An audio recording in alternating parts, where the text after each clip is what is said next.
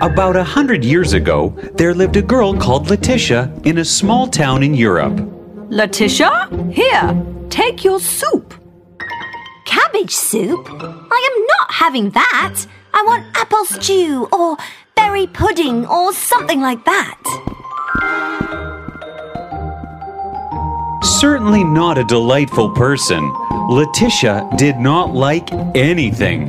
Nothing was good enough for her. See what father got you? A brand new dress. What a terrible colour! And it has no tassels, and it has no bows or ribbons. Do you know the beautiful golden gown that Laura got the other day? You never got me anything nice. Letitia, this is your new box with new pencils and even a pen with ink. Box so old and plain, and the ink pot is not big enough, and Max's pencils are so much nicer than these. They have faces made over them. Not only was Letitia complaining about what she had, she would also complain about what she had to do. Letitia, have you studied the history chapters I asked you to? I don't like history. Letitia, come here. Let me teach you how to make a plum pie. You know I don't like cooking, Mother. Standing in that hot kitchen before a hot oven is not my idea of a hobby. Besides, a plum pie? Really? Not something I fancy. Nah, maybe tiramisu?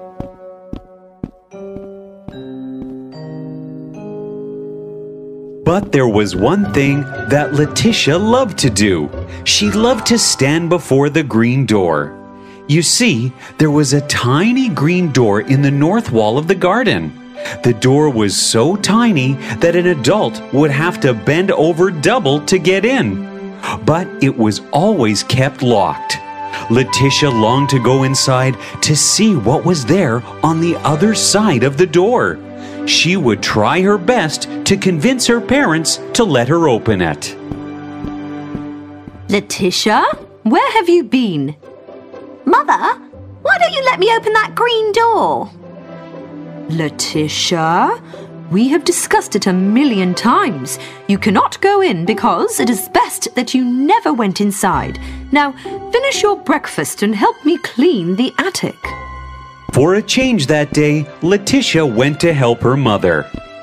While they were looking through an old cupboard, they found an old album. She opened it. Mother, who are all these people with Grandpa and Grandma? They are your great grandfather and great great grandfather John Hopkins. This is his wife Maria Hopkins, and this is his daughter Peggy Hopkins, your great grand aunt.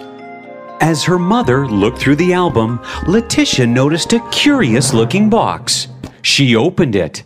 There was a key inside it, tied with a green ribbon. Mother, what key is this? Um, it is just a very old key. Let's put it back. And now go out and play. Letitia could not stop thinking about the key.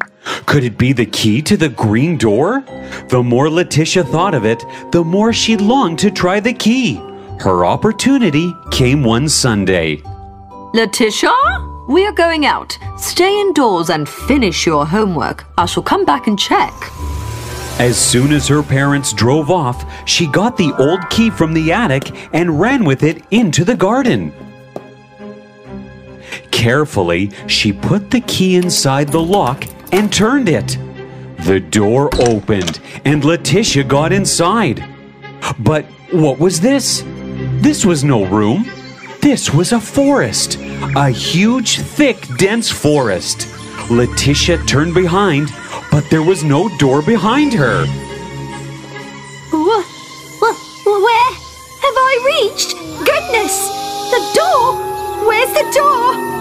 When Letitia heard wolves howling and lions roaring, she got so scared that she ran. She ran for her life.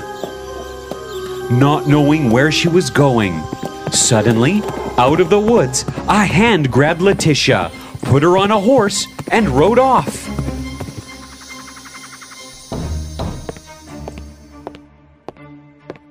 Come in, child. You should be safe here. Oh dear, you must be so cold. Come here, sit by the fire.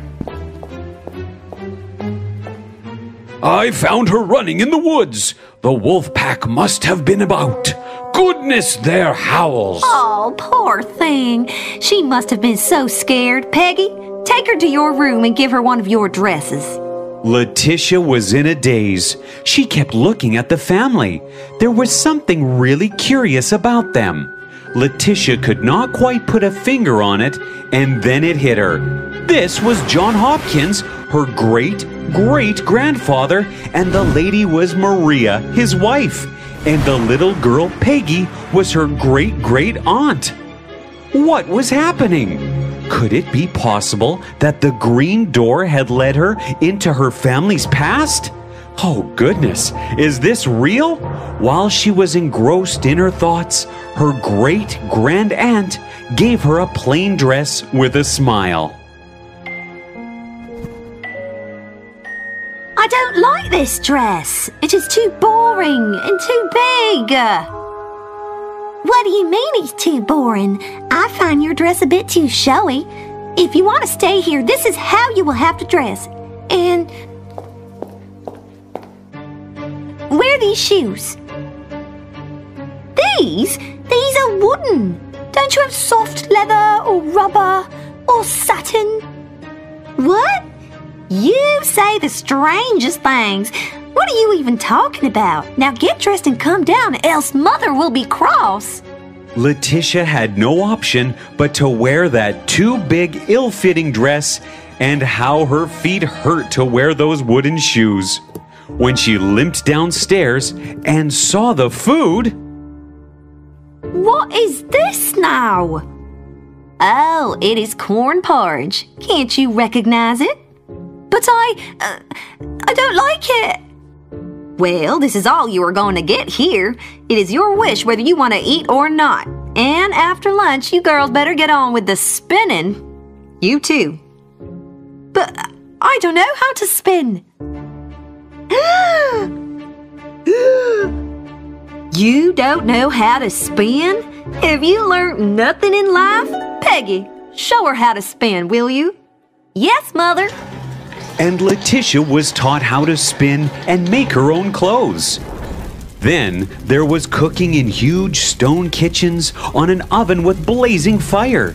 It would get hot and suffocating for Letitia. Also, they had to do their own cleaning and washing.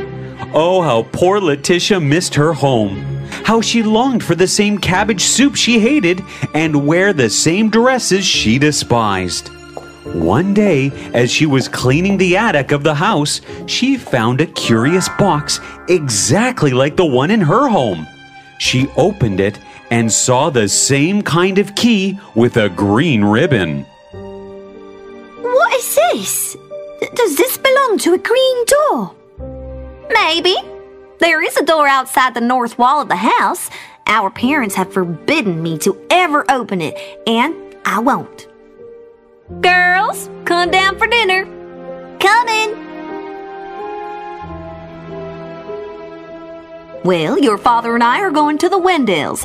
Stay at home and be good.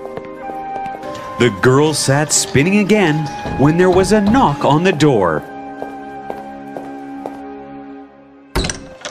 Letitia was shocked to see that it was Jack Peabody, the boy next door in her original house. Yes?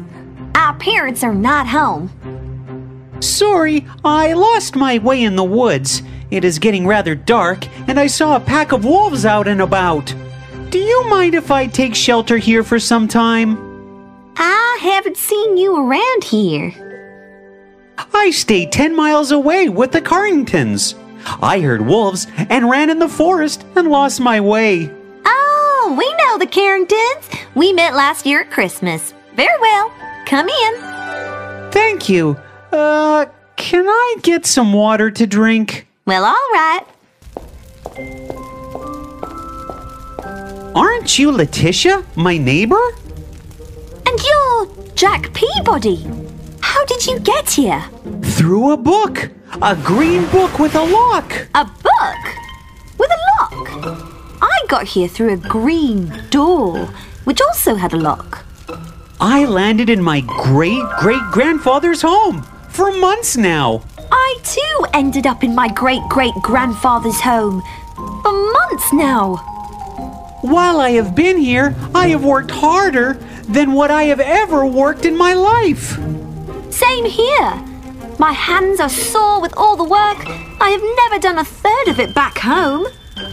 We, We have taken our lives back home so much for granted. How I long to go back. You know, I saw a book similar to the one I came by, here, with the same lock. I intend opening it. Is there a similar green door here, too? Yes. That night, Letitia sneaked into the attic, got the key, ran to the north wall from outside the house, and found the door. With trembling hands, she opened the lock and entered her house. She ran into the garden. Mother! Father! I am back! I am back! Back from? And Letitia admitted to them her entire adventure. Back then, everything was so hard to do and, and to get. After seeing those times, I will never, ever complain about anything ever again. I love cabbage soup, and oh, Daddy, I love the dress you got me, and I shall study and study and study and write my neatest handwriting with my brand new pencils and pens. I am so sorry for having been such a pain. And sorry for disobeying you and opening the green door. Well, I guess you asked for it, Letitia. When we don't respect what we have, life teaches us the hard way. But wait a sec. I was at that place for months, yet you were just getting back home the same afternoon.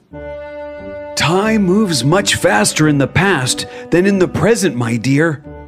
What was a few months in the past is only a couple of hours in the present. And then another car sped in the driveway, and out came Mr. and Mrs. Peabody with their son Jack Peabody. Jack saw Letitia, and Letitia saw Jack. Both of them winked at each other. Now, if they were to share this great secret with others, do you think anyone would ever believe them?